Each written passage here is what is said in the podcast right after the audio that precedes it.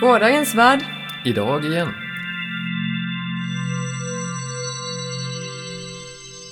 Ja, välkommen till våran ljudkapsel. Eh, jag är alltså Åka Och jag Ante. och här sitter vi och pratar som vi brukar om Mm. diverse saker vi är intresserade av. I vår vardagsrums, vardagsrumsstudio. Jag vet inte, vi kanske får nya lyssnare ibland. Vi kanske borde berätta vad det är vi håller på med. Mm. Eh, vi eh, gör en eh, ångkapsel med ljudpunk. Eh, va? Nej, jag, jag tänkte på, Nej, det var en annan gång ja. jag råkade prata om eh, Lord Byron häromdagen. Mm. Jag tänkte att han har en så fantastisk eh, beskrivning. Alltså att vara känd som mad, bad and dangerous to know. Det säger kanske inte så jättemycket om vem man är, men det säger någonting spännande i alla fall. Vi har verkligen ingen sån här klatschig beskrivning av vad det är vi gör för någonting alls. Nej, vi eh, pratar om saker som vi gillar. Vi pratar om saker som vi gillar. Ja, det låter ju väldigt fluffigt. Men Ja, det, det är lite det är oskarpt avgränsat kan man väl säga. Mhm. Så vad är det vi gillar? Ja, fantastik i olika former. Eh, jag tycker om att läsa, skriva, titta på film, läsa serier, lyssna på musik. Mm, mm, mm. Eh, så man skulle kunna säga att det är liksom populärkultur fastän vi är inte så inne på det här poppiga och aktuella kanske. Inte i Mm. den här podden i alla fall. Nej, och lite mindre fokuserad på, på um, tv eh, och film än vad många andra är som sysslar med, populärkultur. Mm. Och eh, ganska intresserade av eh, lite vetenskap och teknik och sånt där också. Eh, jag tror att eh, man skulle kunna säga att det är lite nördigt bortsett från att det ordet är så... Jag vet inte ens vad det betyder nu för tiden. Nej, det... Ja, det, det, det, det känns som att det, har, det är ett ord som har drabbats av betydelseglidning. Så, Eller i alla fall betydelsespridning. eller, ja, betydelsespridning kanske jag vet det, precis. det, finns eh, flera betydelser. Mm. Ja. Men eh, här pratar vi alltså om eh, högt och lågt men det handlar ganska mycket om saker som man kan klura lite på och tycka är intressanta på olika vis kanske. Ha, musik. Ehm, om jag säger... Om jag säger så här. Mm. Hårdrock är fantasy, Mm. synt är science fiction. Vad säger du då? Eh, ja, då eh, säger jag, jag tänker omedelbart på Blind Guardians eh, skivomslag med eh, tomtar och troll och eh, vättar på och eh, så tänker jag på hur jag en gång i tiden för länge sedan eh, såg en video för Frontline Assemblies låt Mindfacer. Det var någon sorts jätte sån här mecka som gick runt och sköt och sprängde väggar och grejer. Du håller med om min eh, analys här då? Min På något, analys. vis, på något vis ger din grova analys omedelbara associationer som bekräftar den. Mm, mm.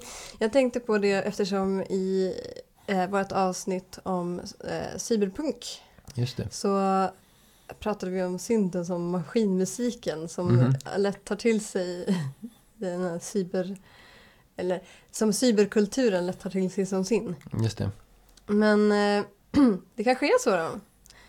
Eh, men Ja, jag tror det, fin- det finns vissa eh, omedelbara kopplingar i den där, på det här viset liksom. Eh, om man tittar tillbaka på min egen historia med, eh, med musik. Så första gången jag blev medveten om det här bandet, den här låten, den här eh, musiken är någonting som jag kände wow för. mm, Eh, så var det just eh, bandet, eh, hårdrocksbandet Saxon och deras skiva Crusader. Som ju inleds med, med så här eh, eh, vapenskrammel, kling klong det, och det är rasslande av eh, ringbrynjor och det är trampande av hästar som galopperar och grejer och sen någon som ropar Crusader och så börjar låten liksom. mm. Och, och det andas ju liksom så lite äventyr och, och grejer på ett sätt som syntlåtar sällan gör liksom. Mhm. Eh, men kan du inom din kropp rymma dessa stora motsatser. I contain multitudes. Ja, faktiskt tror jag att jag gör det. Eh, det, men det, det är lustigt, jag men musik är ju eh, som Schopenhauer uttalat sig om, eh, på något vis det här sättet som, som världsanden talar till oss. Eh, och jag tycker det är väldigt om man får väldigt mycket känslor av musik och det är väldigt olika typer av känslor från olika sorters musik. Eh, och eh, Det här lite allmänt upprymda och, och lite så här man, man sträcker på sig och tindrar lite med ögonen, känslan mm. som man får av viss musik, den får jag ganska sällan av, av, av maskinmusiken. Där kan jag bli liksom upbeat och lite så adrenalin och, och grejer mm. men inte den här liksom, du har inte den här liksom visionära lite, hmm, oj nu tänder det liksom. Det, det, det får jag bara av, av uh, hårdrock och, mm. och uh, annan musik. Ja, i och för sig en del annan också. Richard Wagner till exempel.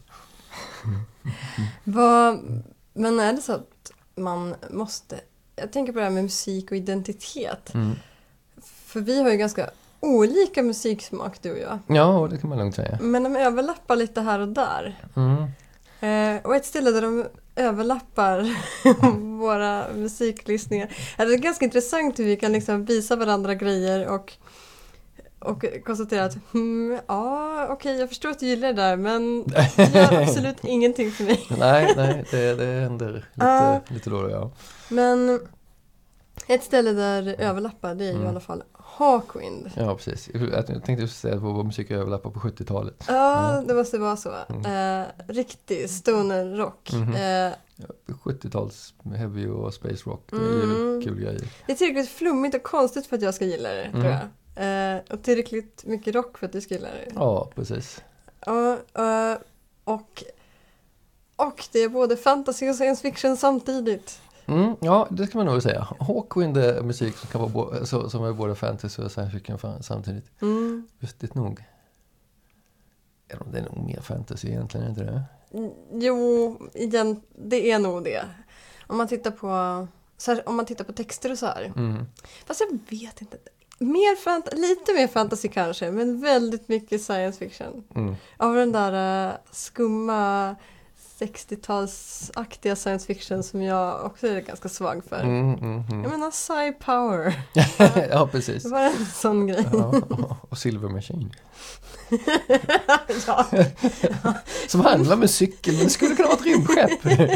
Eller hur? det är lite steampunk kanske. Kanske till och med det. Titta, jag kommer tillbaka till det igen. Mm. Mm. Ja. Eh, men eh, jag vet inte, jag, har svårt för det där med musikalisk identitet och hemvist. Det har jag liksom inte riktigt någon. Nej, har, har du någonsin känt liksom, jag är... Nej, eller nej, jag tror inte det. Alltså det enda... du, har, du har aldrig ens liksom råkat komma på dig själv och säga att jag är eh, syntare eller mm, något annat? Nej, jag är inte, inte ens i närheten. Mm. Okay, det, om det hade funnits en subkultur mm. kring eh, svensk folkrock. Mm. Då hade jag kanske varit där. Speciellt finns det inga sådana? Alltså in, inga speciellt utkristalliserade, klart att det finns. Ja, jag men, menar, man skulle kunna tro att jag, jag sitter här och bara försöker dra, dra ur dig något, något påstående här, men jag vet verkligen inte. Nej, finns det alltså inte, inte riktigt så här mm. utkristalliserad som riktig subkultur. Klart mm. det finns liksom grupper som håller sig där. Men mm. om, om, om man kunde ha varit en som lyssnar på eh, Garmarna och Big Fish mm. och att det skulle ha varit en, en del av någon större grej, då kanske jag hade varit där eh, någon gång i mitten på 90-talet. men äh. men eh, ja, jag vet inte, måste man, måste man höra hemma någonstans i, i musiken?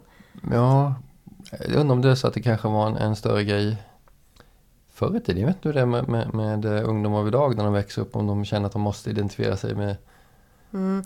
där. Det här med syntare och hårdrockare, det var ju någonting som jag läste om i seriemagasinets insändarsidor. Eh, och eh, verkligen inte kunde förstå vad det gick ut på. För att mm. där jag bodde uppe i Jämtland, eh, små orter, där fanns det inga syntare. Vad är det för någonting? Liksom? Nej, det är faktiskt lite liknande för min del. För jag, Eh, jag, blev, till, jag blev eh, ställd mot väggen av en klasskompis när jag gick i femman tror jag det var. Mhm. Och, eller kanske fyran till och med. Som frågade liksom om, är du syntare eller hårdrockare? Mhm. Och jag, tänkte, jag tyckte liksom, ja vad sjutton. Jag har hört Slade på, på trackslistan. Det är ju inte synt. De var bra. Uh, I am hårdrockare då. det, var, det kommer jag ihåg, det var det första jag tänkte liksom.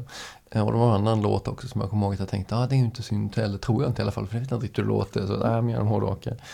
Eh, Mm. och några år senare så lärde jag känna en kille som stolt kunde förklara att hans storebror minsann var en riktig syntare. Han hade stort spretigt hår, han hade flera Mm. riktiga syntar på sitt rum. Mhm. Och då kunde jag ju med näsan i vädret förklara att jag minsann var hårdrockare. Mm. Okej. Fast ja. han var lite cool i alla fall den här storebrodern. För han hade varit med i ett punkband och spelat, punk, eh, spelat bas med, med kniv som, istället för plektrum. Nej, Men måste jag välja mellan synt och hårdrock så måste det, då blir det nog synt faktiskt. Ganska så såklart faktiskt. ja. Men, eh, jag suckar, det är på sin sida. men jag, Ja. du, det, jag förstår inte varför jag måste välja. Eh, Nej, det är väl det de fina sakerna med att bli äldre, men eh, är inte så... För jag, jag tror det känns som en sån här sak som man är tonåring, lite när man letar efter lite så här, vem är jag egentligen? Mm. Då är det väldigt tilltalande det här med att veta liksom, man har en Ja, man har färdigpaketerat. Man har, ja, precis, man har ett paket Ja. som, med kulturen. Man, man vet hur man ska se ut, man vet hur man ska klä sig. Ja, Man vet alltid... lite vad man ska säga, man, man får liksom lite, man får en jargong och ja, man får liksom allting. Man kanske till och med får lite politisk åsikt på kuppen liksom. Alltså jag var ju alltid jättemisstänksam mot alla sådana där kotterier och, och tyckte aldrig att jag passade, att någonting funkade för mig. Jag ville alltid hitta någonting som var alldeles mitt eget. Mm. Och eh, den enda musik jag köpte var super, super konstig musik. Mhm. Eh, som ingen hade hört talas om. Ja, just det. Eh, ja. Ja, jag har ju försökt passa mig in i de här, en del av de här små mallarna gånger. Men jag har ju helt enkelt varit lite för eklektisk i min smak och, och dessutom lite, lite för ofokuserad för att någonsin kunna riktigt hänge åt en sak. Jag har försökt. Mm. Fantasy eller science fiction då? Fantasy. Alltså jag, jag måste ju säga att det blir jag trodde nästan det. Det är du som, du får uh, hårdrocken och fantasyn, jag får synten och science fiction. Ja, ja, Och sen så överlappar vi någonstans där vi... precis. vi Jag sitter här med, med, med, med Elric och Black Company och eh, Robert E. Howard och lyssnar på metal. jag läser Kim Stanley Robinson och Carl Schrader och Justina Robinson. Och, Och och lyssnar på... Men vad nu? Det enda som jag lyssnar på nu för tiden är ju Caro Emerald och Postmodern Jukebox. Konstig Och- musik alltså. Och eh, väldigt eh, mystisk eh, elektroswing. Ja, jag tror du har bevisat att du lyssnar på konstig musik och inte passar en genre.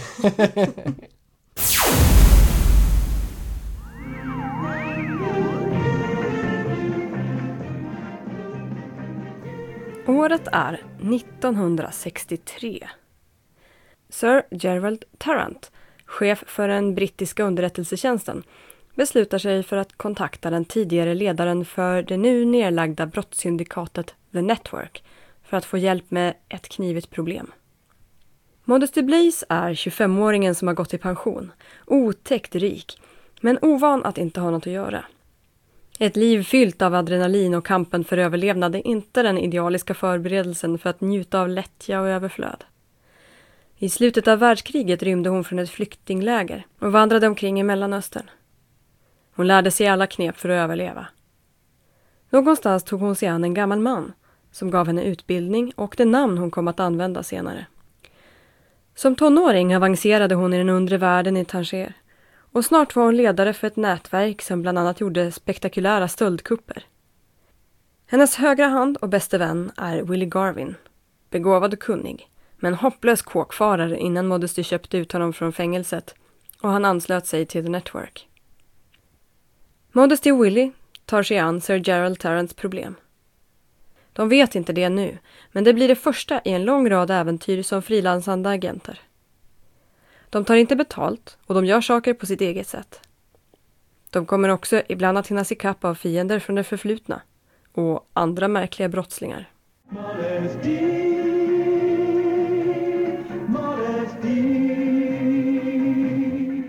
Den har funnits riktigt länge. Den slutade publiceras för lite tag sedan men den höll på i många, många år. Ja, det är lite fascinerande faktiskt mm -hmm. när mhm. man tänker på det. Och särskilt när man tänker på att huvudpersonen aldrig blev äldre än 28 år tror jag. 28? Eh, ja, Jaha, så, men det är alldeles år. ja, precis. Hon, det gick tre år för henne mellan 1963 och 2001 tror jag. Mm. Jag har hört sägas någon gång att eh, en, en dam blir äldre än 26 men kanske 28 då. Så hur, eh, hur kom du in på att börja läsa Modesty Blaze? Vad var det som fick dig? Jag tror att jag, jag läste alla serier som kom över tröskeln in i vårt hus. Mm. Ja. Och det var nog min pappa som eh, köpte seriemagasinet Agent X9 och Fantomen och sådär. Mhm. Eh, och så läste jag dem. Men det fanns ju vissa serier som jag blev mer förtjust i än Mm, andra. Ja, den här fastnade ju uppenbarligen på något vis. Mm, Ja, eller hur? För att eh, det fanns ju många serier i Agent X9 som jag... Jag kommer inte ihåg dem efter att jag slog igen tidningen liksom. Men, eh, men Modesty fick, fick ju en lite... Ja, lite mer relation till kan man ju säga. Mm. Och jag, jag kan ju definitivt se vad för kvaliteter som finns i den här serien och vad som jag tilltalas av. Och jag, jag ser ju, det här är en intressant tidsspegel eh, på många sätt och vis. Den är ganska 60-talig när den börjar, eller hur? Ja, när den börjar 1963 så är det 60-tal. Mm. Fast man, på sätt och vis kanske den behåller vissa av de aspekterna. Men eh, det var ju ingenting som jag tänkte på när jag var yngre. Det kanske jag tänker på nu om jag, om jag skulle läsa igenom riktigt många äventyr. Liksom på kort tid och titta på det. Då kanske jag skulle se precis vilka drag det är som går igen. En, en, så, en sak som, som slog mig nu när jag läste eh, lite 60-talare, 70-talare, sen 80-tal Mm. eh, var att det kändes som att 1965 så kändes den väldigt 1965. Det var väldigt, det var lite så här eh, Jo men det var, det var lite av, av den här kalla kriget-grejen. Eh, eh, det var lite det här eh, swinging 60s över det och det fanns eh, Modesty var en väldigt frigjord person kan man säga. Väldigt, hon, hon, mm. Men jag menar hon är ju otroligt okonventionell och man kan inte vara någonting annat om man har eh, om man har drivit ett stort brottssyndikat, om man är uppvuxen eh, barfota i flyktingläger och har kämpat för sitt liv eh, sedan man var liten. Mm. Liksom. Så då kan man inte vara riktigt som alla andra. Nej men är det inte på något vis ändå ett 60-tal man kan tänka sig att en sån skapelse Mm. kan tycka att, ja, men, att man inte bara blir förfärad och tycker men vad är hon för någon hemsk person utan är det på något vis, Ja. aha intressant liksom. Alltså på många sätt var ju kanske, har jag en känsla av, 60-talet mycket mer fri, frigjort många sätt än, än vår samtid kan man säga. Mm. Mm, Men eh, det här är ju en sak som jag faktiskt har diskuterat med, eh, med en kompis nyligen. Tydligen är det så att eh, bland tjejer i GVU, alltså Geek Women Unite, Mhm. den lokala falangen och det, så är tydligen Modesty Blaze eh, väldigt st- stor grej. Mm, okej. Och eh, det är kanske inte är jättekonstigt, många tjejer som gillar Modesty Blaze, men kan börja fundera på vad det är som gör det. Mm.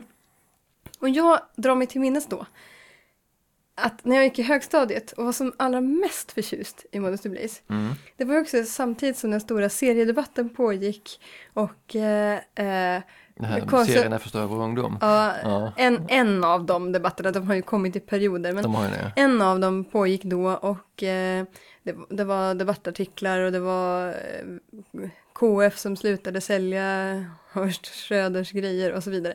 Och då så var det en tjej i min klass som började diskutera Modesty Blaze eh, med, inte med mig då, utan med, med den andra Modesty Blaze-fantasten i klassen. Och förklara att det här är ju förfärligt eh, Eh, För att det är ju kvinnoförnedrande och sådär. Och han försökte förklara att det är det inte alls. Jaha, För- hon argumenterade att Modesty Blaze var, Ja. jaha, Ja, okej. jag tror inte hon hade, tjejen här hade läst så mycket Modesty. Men Nej, det låter inte så. Vad skulle jag säga av min läserfarenhet? ja, fast den, vad hon menar var ju, om man tittar på hur det ser ut, Mm. så är det ju mycket kvinnokroppar. Liksom. Ja, det, det, okej, ja, jag förstår. Ja, Mm. och eh, eh, jag vet jag tycker inte att det känns som att Modesty Blaze är så värst utpräglad så, men visst, visst, visst är det så. Det finns en massa, det finns en massa naket i den. Mm. Men, För det är en sak som jag tänkte på nu när jag här Mm. jag ska säga binge-läste, men, men fok- fokuserat läste Mm. eh, Modest Oblige. Och konstaterade att ja, visst har hon av sig ibland och det är eh, lite så här halvt omotiverade duschscener och Mm. sånt. Men hon spankulerar liksom inte runt i underkläderna i onödan till exempel. Nej. Det nämnde, men hon, hon, hon sover utan, utan Ja. någonting. Mm. Eh, vilket, vilket vid något tillfälle kommer fram och liksom nämns. Vilket kanske känns lite så här, men varför kom det upp liksom i, i bild och text överhuvudtaget? Vad spelar det för roll? Vilket kanske är en sån där strip, strip grej då liksom. Men, och som sagt en och annan duschscen. Men jag blev faktiskt förbluffad att det inte var min, att det inte var mer så här krystat tillagt avklädningsscener faktiskt. Ja. Men som sagt, menar, det är inte det som är fokus. Menar, fokuset är ju på äventyr. Mm, jo, det är verkligen det. Det är ju en definitivt. äventyrsserie. Mm. Och ganska speciell då för att å ena sidan så är hon väldigt okonventionell och, och speciell och står liksom vid sidan av lagen och så vidare. Å andra sidan har en otroligt stark moral. Mm. Och det finns ju vissa saker som hon aldrig skulle göra. Till Mm. exempel. Eh, det är okej att eh, göra folk på käften och, och till och med slå ihjäl dem om de hoppar på en först. Just det. Men man ger sig inte på folk. Nej. I, så här. Och ehm, eh, hon har ju två typer av huvudfiender och det är eh, det är ju människohandel och droghandel. Ja, eh. Som hon är emot. Mm. Så på det sättet är det ju väldigt moralistiskt kan man Mm, säga. mm. Eh, å andra sidan så är, är det ju väldigt liksom okonventionella ramar runt hela hennes tillvaro. Och här nu då, här kan vi komma in på vad det är som, som jag eh, faktiskt fastnade väldigt mycket för Ja, en gång i tiden. Som gjorde att jag snöade in på Modest Blaze och inte bara läste den serien som en av alla andra Mm, äventyrsserier. mm. Nämligen att eh, eh, Modesty har ju mycket personlighet. ja. Och eh, hon har en jätteintressant bakgrundshistoria. Mm. Och eh, det talade jättestarkt till mig det här, men, okej, dels är det ju en maktfantasi såklart. ja, ja, jo, precis. Hon är en kompetent person som kan klara av nästan vilken situation som Mm. helst. Mm. Men eh, det är inte bara en typ av situationer, det är liksom inte bara våld hon kan klara sig ur. Mm. Mm. Utan väldigt mycket av grejen med Modesty är att hon känner så många människor Mm. av så många olika sorter. Ja. Hon kan klara sig, hon, hon kan liksom åka ut eh, till någon fiskarby i Sydamerika och leva där.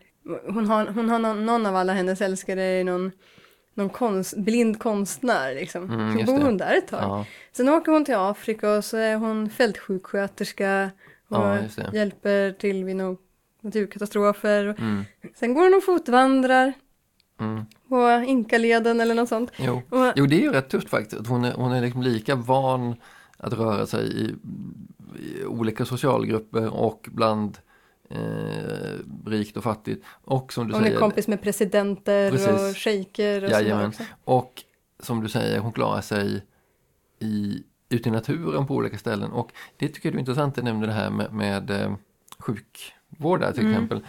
Eh, Att hon är ju ypperligt kompetent men hon har liksom inget stort ego sådär. Att, de, att hon kan liksom, så, jaha, de måste göra det här ett tag, ja, Mm. jag får överleva, ja men då gör jag det liksom.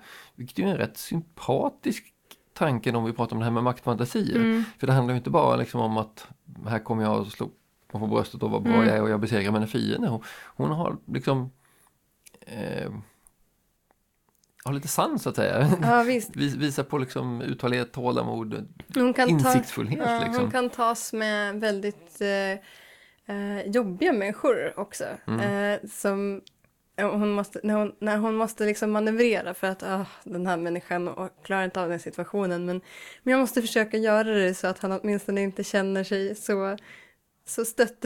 Ja, ja, precis. Jo, jo det, det, är ju, det är ju faktiskt, tycker jag, ganska eh, tilltalande karaktärsdrag. Det är ju många Mm. seriehjältar av olika slag är ju inte speciellt intressanta figurer. Och det håller jag med dig att hon har ju faktiskt, Ja, Hon har personlighet. hon har lite personlighet där som är Mycket intressant. personlighet skulle jag säga. Ja, eh, och eh, jag tycker ju även det här mm, samspelet mellan henne och Willie Garvin Ja. där eh, de driver lite med varandra och, och eh, varandra, de känner varandra mycket väl, det märker man Mm. liksom och kan liksom ger liksom andra små, små pikar på skoj om och sådär. Det, det, där kommer det fram lite personlighet och humor och sådana Mm. saker eh, på subtila vis samtidigt som storyn drivs framåt. På det viset är den väldigt bra skriven och bra berättad tycker jag. Ja, en väldigt intressant relation också det där med deras starka vänskap. Liksom. Mm. Ja, det, det är en av de hemska sakerna med filmen. Som jag inte har sett och antagligen inte ska se. Nej, det ska du nog inte se. Jag har sett den eh, en gång för länge sedan och jag, tyckte, jag håller med alla andra om att den är ganska usel.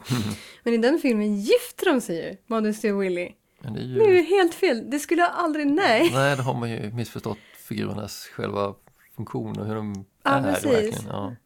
Och inte bara funktion, personlighet också. Mm. Men grejen med dem är ju båda två att de är inte den typen av person som kan slå sig ner i ett långvarigt förhållande. Nej. Eh, båda två, jag menar, Modesty har massa pojkvänner, Mm. eh, Willy har massa flickvänner. Mm. Eh, hennes relationer får man en känsla av att de är lite mer seriösa än hans, men de är ändå ett gäng Mm, ja, olika jag vet liksom. inte ibland, men ja. Ja. Ja, nej, jag vet inte det. Men, men det, det visar ju att de är ju lite så att säga små trasiga personer. De funkar inte riktigt egentligen tillsammans med, med andra, men de funkar tillsammans för att de inte har den typen av relation på något vis känns det som. Det konstiga är väl att de inte egentligen verkar så trasiga. Eh, de, är, de är den typen av rastlösa personer som rör sig runt i många kretsar, visst. Mm, ja, i och för sig, nu kanske Men de ska... ger faktiskt inte intrycket av att vara speciellt kanske ska... traumatiserade med tanke på vilka bakgrunder de har så, så verkar de så väldigt trygga. Ja, nej, jag kanske, kanske ska säga det här på något vis. Jag, jag satte den här, eh, ska man säga, det här eh, fyrkantiga, du ska slå dig ner och vara monogam. Eh, satte det som ram och tyckte att de, de inte så, alltså de trasiga, eller kanske, ja. Ja, jag vet inte, för som sagt jag tycker att de, de ger ju intrycket av att vara väldigt trygga personer. Jo, jo precis. Nej, nej, så jag tar tillbaka det det där var, var ogenomtänkt. Jo, fast de kanske är lite trasiga. Det borde de ju vara. Mm. Men man, man märker inte det mycket på hur de agerar liksom. Alls. Nej, jag ska inte säga så mycket som trasiga, men för det är inte så att man måste ha en, en, en, fast relation. Det är man inte trasig om man inte har det. Inte, det här är alltså inte verkliga personer som finns i verkligheten, Andreas. Men så du tycker vi sitter här och psykoanalyserar icke-existerande personer? Du vet du vad, du kan ha rätt. Men eh, låt oss i så fall eh, ta och eh, kvickt kila vidare till, till det, den här, du, prat, du råkade nämna det här med film. Det finns ju en film, Mm. vilket får mig till att komma tillbaka till hur den tecknade serien ser ut. Mm. Jag, jag tänker ju väldigt mycket på tecknade serier som hur det relaterar till till exempel filmkonsten. Mm. Eh, Och en sak som jag tyckte var intressant med den här är ju att som du säger det är ju en strip, det är en dagstrip-serie. Mm. Den har publicerats där typ tre rutor i taget, sen får man Mm. vänta och sen kommer tre rutor till. Och jag tänkte på hur den var komponerad. Ofta är det verkligen så att man, om man tittar på det och tänker på det, ska man tänka, jaha, har vi tre rutor.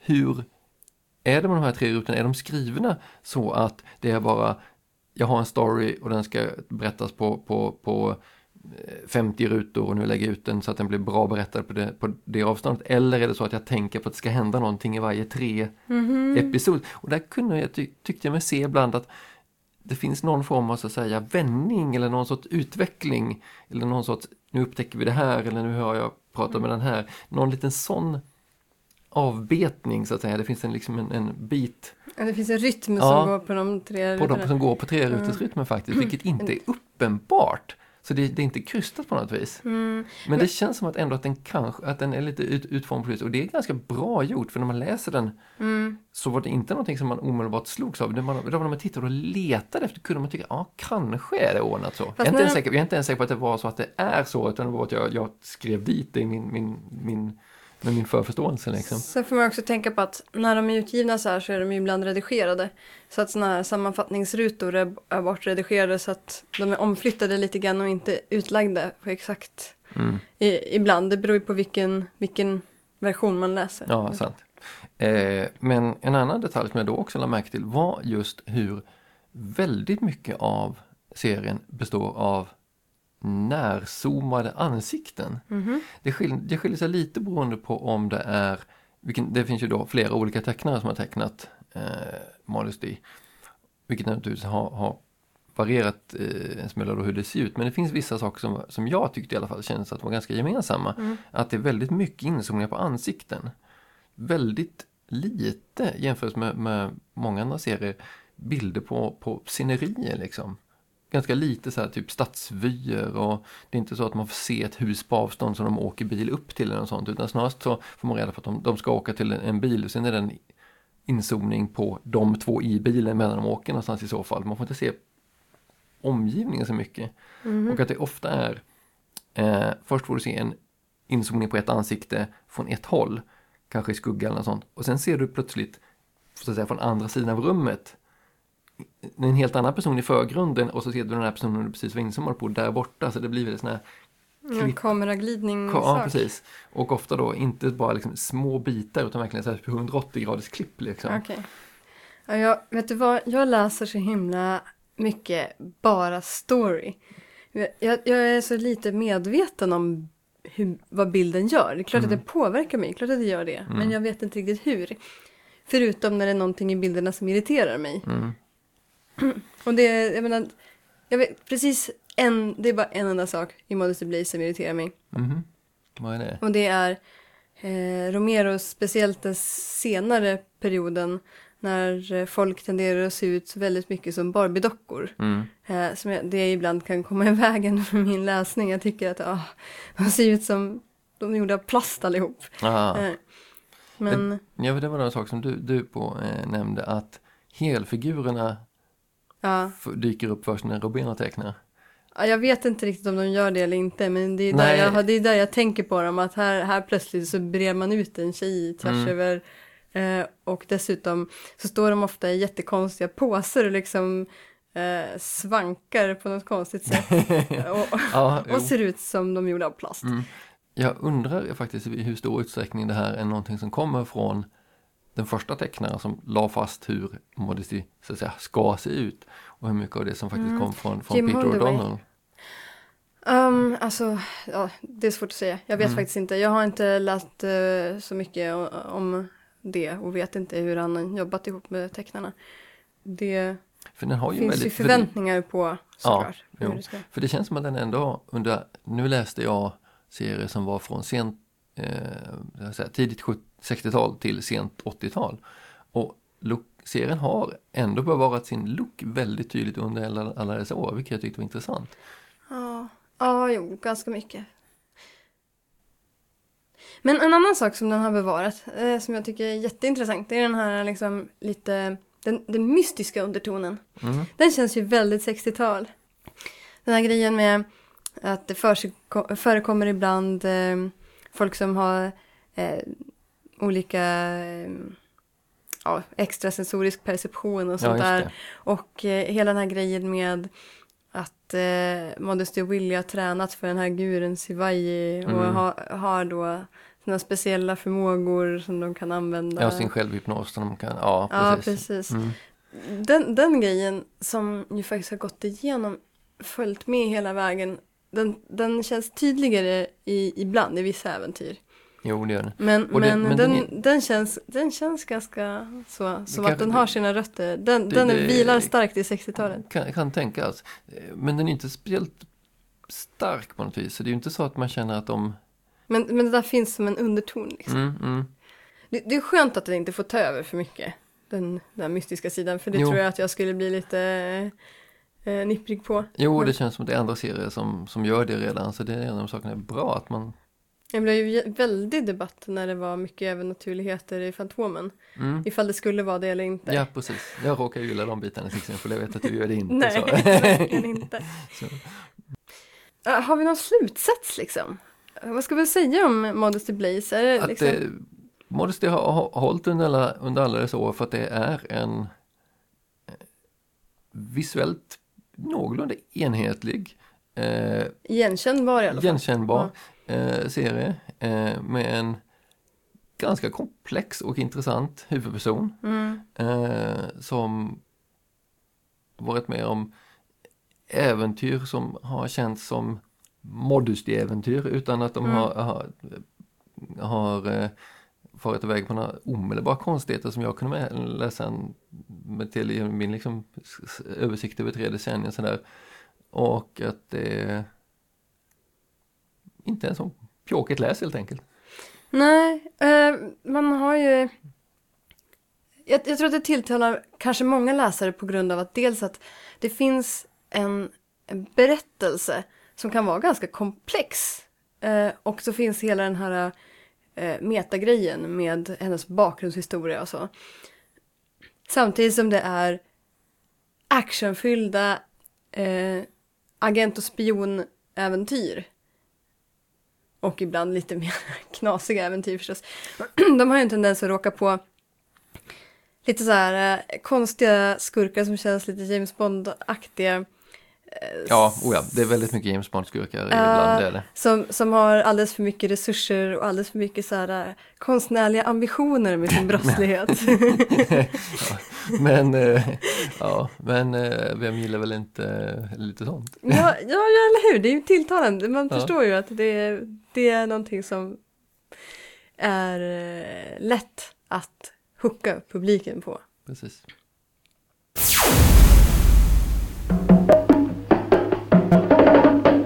Jag tänkte det här med Richard Feynman som kultfigur. Det är ett ganska intressant fenomen egentligen. Varför pratar man om honom och ingen annan? Ja, man pratar väl om andra också. Eh, men Men det kanske är en eh, mm, generell fråga. Vem, vem, vem pratar vi om? Ja. precis. Vem, är, vem, är, vem blir vi intresserade av? Och eh, nu vet inte jag, utanför fysikerkretsar vet inte jag hur känd Richard Feynman är. Faktiskt. Vad skulle du säga? ja, det är ju en intressant fråga. Alla känner ju till eh, Einstein. För han är liksom ikoniska vetenskapsmannen. Och alla känner till den här eh, handikappade engelsmannen. Eh, och, Stephen Hawking? Precis. Eh, sen blir det lite svårare att säga någon sån här vetenskapsman som alla känner till. Jag vet inte om, om Feynman möjligtvis ligger liksom en, en våning ner där, någon sån här som nästa steg eh, på berömmelsen. Ja. Kanske, han kanske är känd bland nördar. Ja, han är nog det. Kan det vara så? Han har ju ändå haft eh, ett verksamt liv i, i lite olika fält och inte bara liksom som fysiker, även liksom som ja, inom eh, dat- datorsmurferifältet har har han ju synts en del också sådär liksom. Så. Eh, ja, ja precis.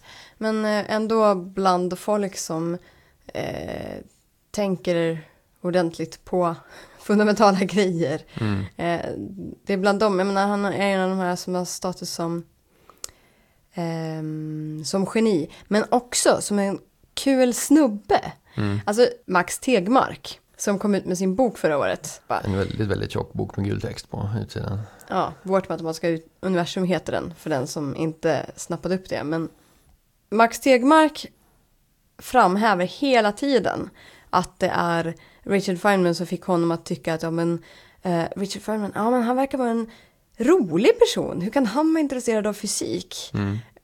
Eh, det kanske är någonting kul med det här ämnet ändå. Eh, och eh, ja. Han, han säger liksom att det var det som fick honom att ge sig in i fysiken. Och hur det nu än var, må vara med det så kan jag säga att den här boken, Surely You're Joking Mr. Feynman, Mm. den har ju lästs av jättemånga Mhm. eh, gymnasister som har blivit imponerade och tyckt att oh, han Tuff snubbe, ja. tuff snubbe, han gör en massa practical jokes så här, Mhm. och spelar bongotrummor. Ja, alla vill ju bli fysiker om man läser att man kan dyrka lås och eh, vara uppkäftig, hitta på egna vägar genom livet och mm, trumma och... Och göra experiment med myror och, Ja. och fundera på hur ens drömmar funkar och ja, såna grejer. Ja, jag vet inte riktigt, men när jag läste om den här boken så framstår det hela också som väldigt gymnasialt på något sätt. Jo. Eller Jo, ja. vad säger du? Jo. Eh, jo, det är verkligen liksom lustig snubbe som gör lustiga saker liksom. Eh, men jag tror att det, det som fångar folk en smula med Richard Feynman eh, är ju att han, förutom att, då, att han var en briljant fysiker, att han på något vis lyckades göra sig själv till en mediefigur. Ja, han jobbar extremt mycket på eh, myten om sig själv tror jag. Mm. För Jag tror att han, han är verksam här under eh, 40, 50, 60-tal. Det är ju mm. under... Han var med i Manhattan-projektet. Mhm.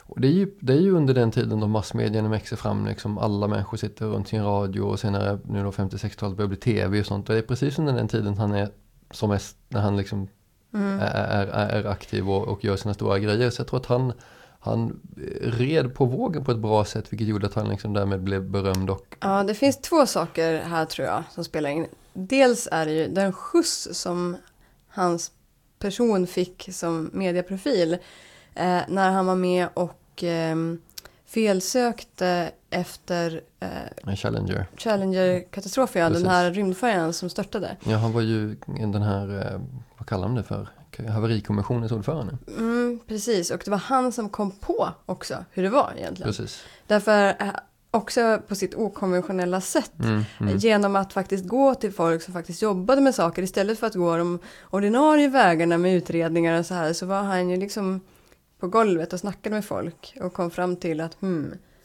så så här har det gått till. Ja. Jo. Och det, det tror jag också kanske är en, en anledning till att han har fått viss bestående berömmelse och, och blivit beundrad.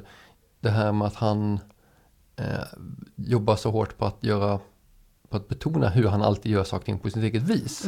Ja, han, han berättar om vad det är Mm. han gör. Han gör ju verkligen det. Ja, oh ja. Eh, och eh, som i den här boken, jag har ju också läst den här, Shirley och Joking, Mr. Feynman. Och eh, det handlar ju väldigt ofta om hur han sa, ja ah, jag började bli intresserad mig för, för eh, matematik och så kom Mm. jag på det här och det har talats om det här problemet. Och då utvecklade jag en egen, en eget sätt att skriva matematiska symboler och så löste jag det och det var jättebra. Men sen insåg jag att det var ingen annan som fattade mina symboler och så här. Och sånt dyker ju upp hela tiden i hans liv och Mm. eh, det känns som ganska typiskt för att han väljer att säga just det där. Kolla, jag gör saker på mitt eget vis. Precis det här som du säger. Det är det som gör att han blir den perfekta ikonen för alla människor som sitter i gymnasiet i sin källare och tänker och kanske knappar på en dator ev- eventuellt. Mhm. Och tycker att de är smartare än de flesta andra. Det, det är precis det här att han har redan paketerat myten om sig själv så, och Jo. presenterar den. Och Precis. då, det är lätt att ta till sig. Mhm. Jo, vi, vi har ju, vi är ju en, en klassisk, ska man säga, arketyp nästan i, i, i vår kultur. Det här med eh, geniet som bryter ramarna eh, och, och inspirerar andra till storverk. Ja, ja. Eh, och det har ju odlats av folk mer eller mindre medvetet sedan, ja, så Mm. länge människan har haft kultur. Och det blir ganska typiskt att de stora så här eh, arketypiska genierna nu för tiden är just naturvetenskapsmän och fysiker ofta nu då. Men, Ja, män kan man ju betona inte förstås. bara vetenskapare utan vetenskapsmän. Ja, det har inte, vi har inte kommit dit än att, att, att eh, genierna är, är kvinnor. Det, det bör ju uppmärksammas att de också har funnits men de har inte blivit den här eh, Mm, nej, de har inte fått... Eh, den, kultur, kulturen har inte anammat dem som just geni ark, eh, arketyper än riktigt. Det kanske Eh, kommer. Alltså allvarligt, det här hänger ju också ihop med det här med eh, att eh, män ofta eh, tänker på sin grej som saker som man behöver vara smart, född smart. Det är en medfödd egenskap att vara smart och därför kan man bli bra på det här fältet. Mm. Medan kvinnor tar sig fram i områden som betraktas som fält där man kommer fram genom att jobba hårt. Mm. Mm. Men nu när vi ändå är inne på det här med könsroller så får man ju säga att eh, när Feynman odlade myten om sig själv så var han inte så genusmedveten kan man ju inte säga. Och det gör ju att hela den här grejen känns väldigt unken när man tittar på den i backspegeln. Och också väldigt typiskt för den tiden eh, med min hypotes här att han, att han eh, Mm. är, är, är, har, eh, har verkligen tum, har känslan för vad som är på, på vart vinden blåser i, i kulturen i allmänhet. Så här. Att han märker att oj, det här mass, mm, tv-mediet, här kan jag sprida min berömmelse. Ja, fast så var det ju inte alls från början.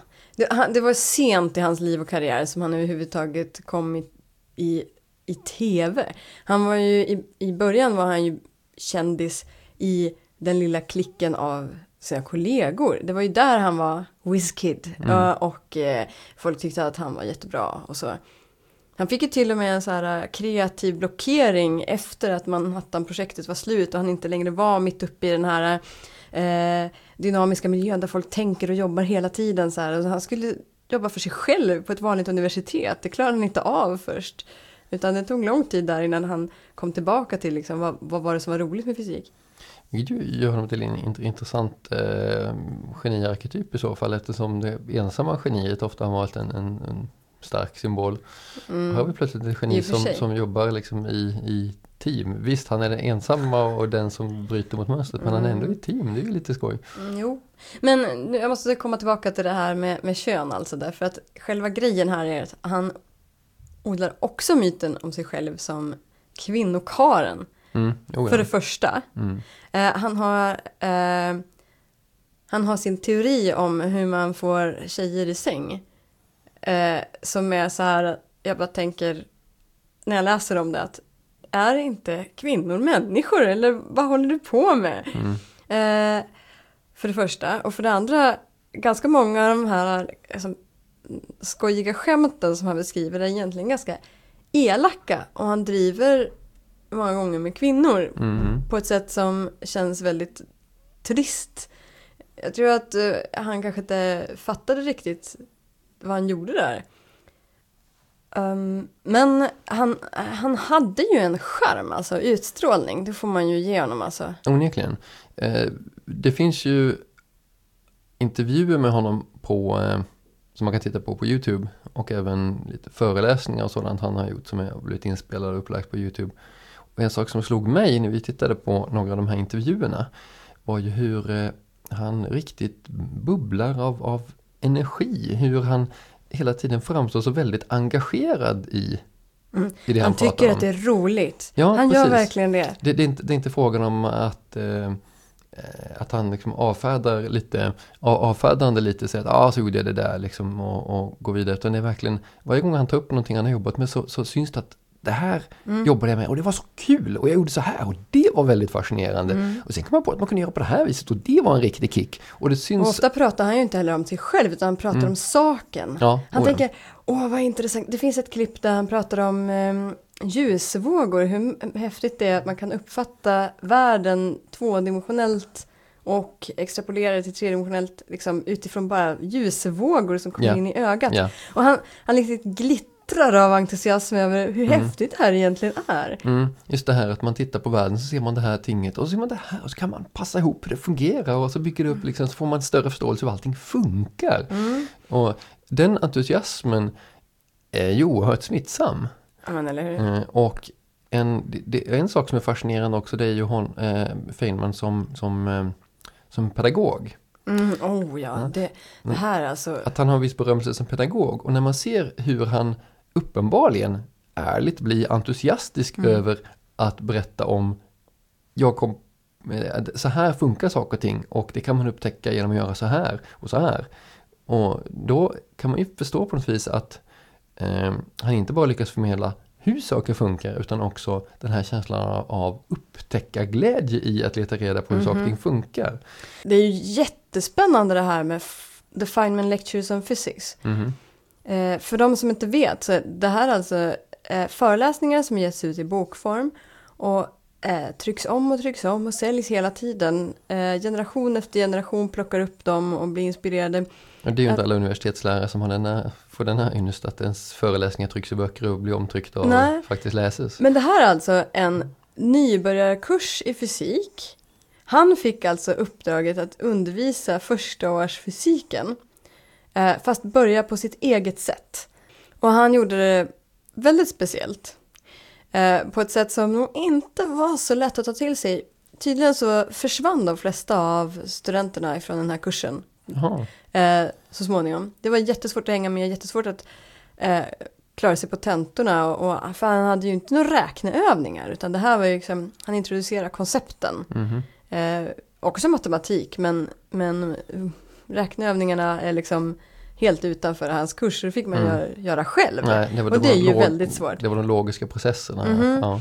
Eh, men däremot så hände det sig att fler och fler doktorander men också eh, professorer började komma på de här föreläsningarna. Mhm. Så det blev ju eh, folk på högre nivåer som började komma på hans föreläsningar om grundläggande fysik.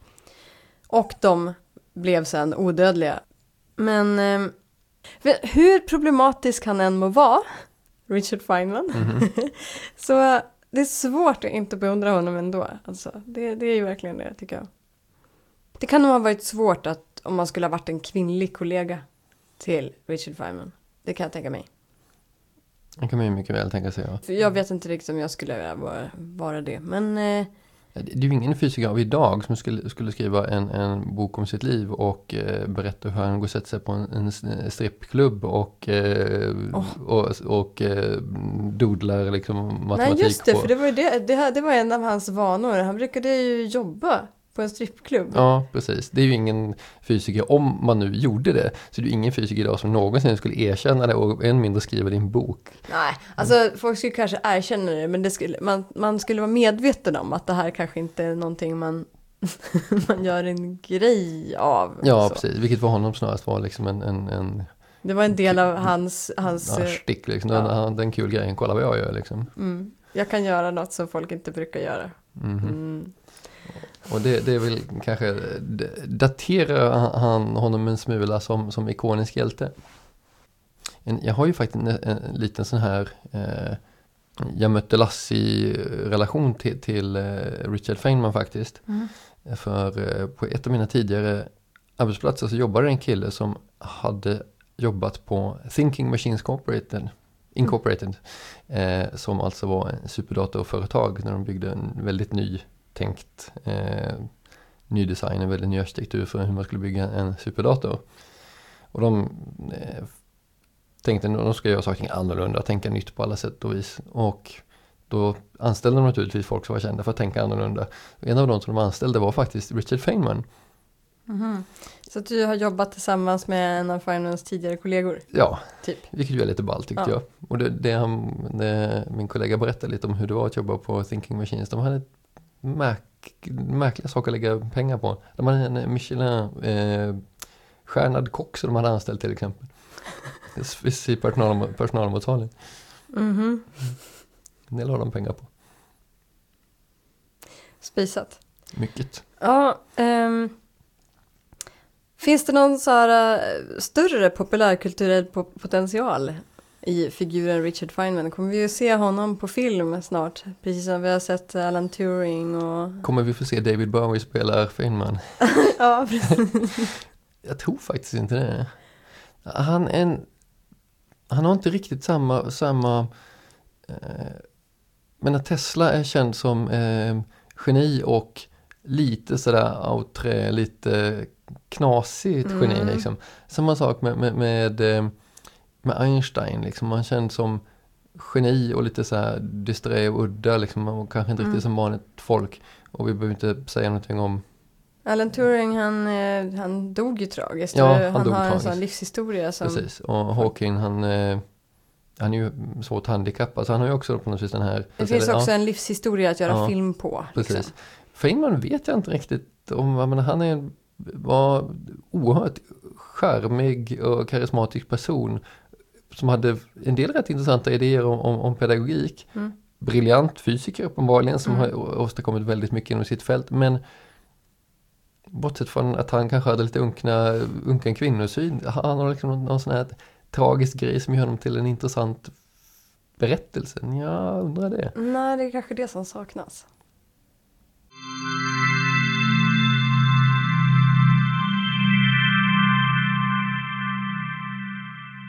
Ja, så efter att vi hade spelat in det här pratet om Modesty Blaze så kom vi faktiskt på att eh, det har ju spelats in, in en film till.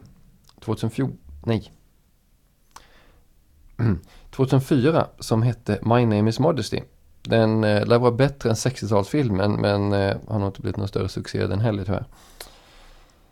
Så, eh, sammanfattningsvis kan vi då säga att detta var avsnitt 16 av Gårdagens Värld idag igen. En ljudkapsel av Ante och Åka Davor. Du kan hitta alla avsnitt på bloggen Landet Anjen. Får gärna lämna en kommentar där om du vill. Kommentarsfältet. Eh, och det går också bra att höra eh, oss på iTunes. Men eh, ingen av oss använder det så frågas inte riktigt hur men det finns, finns visst där sägs det. Om tekniken funkar och är med oss.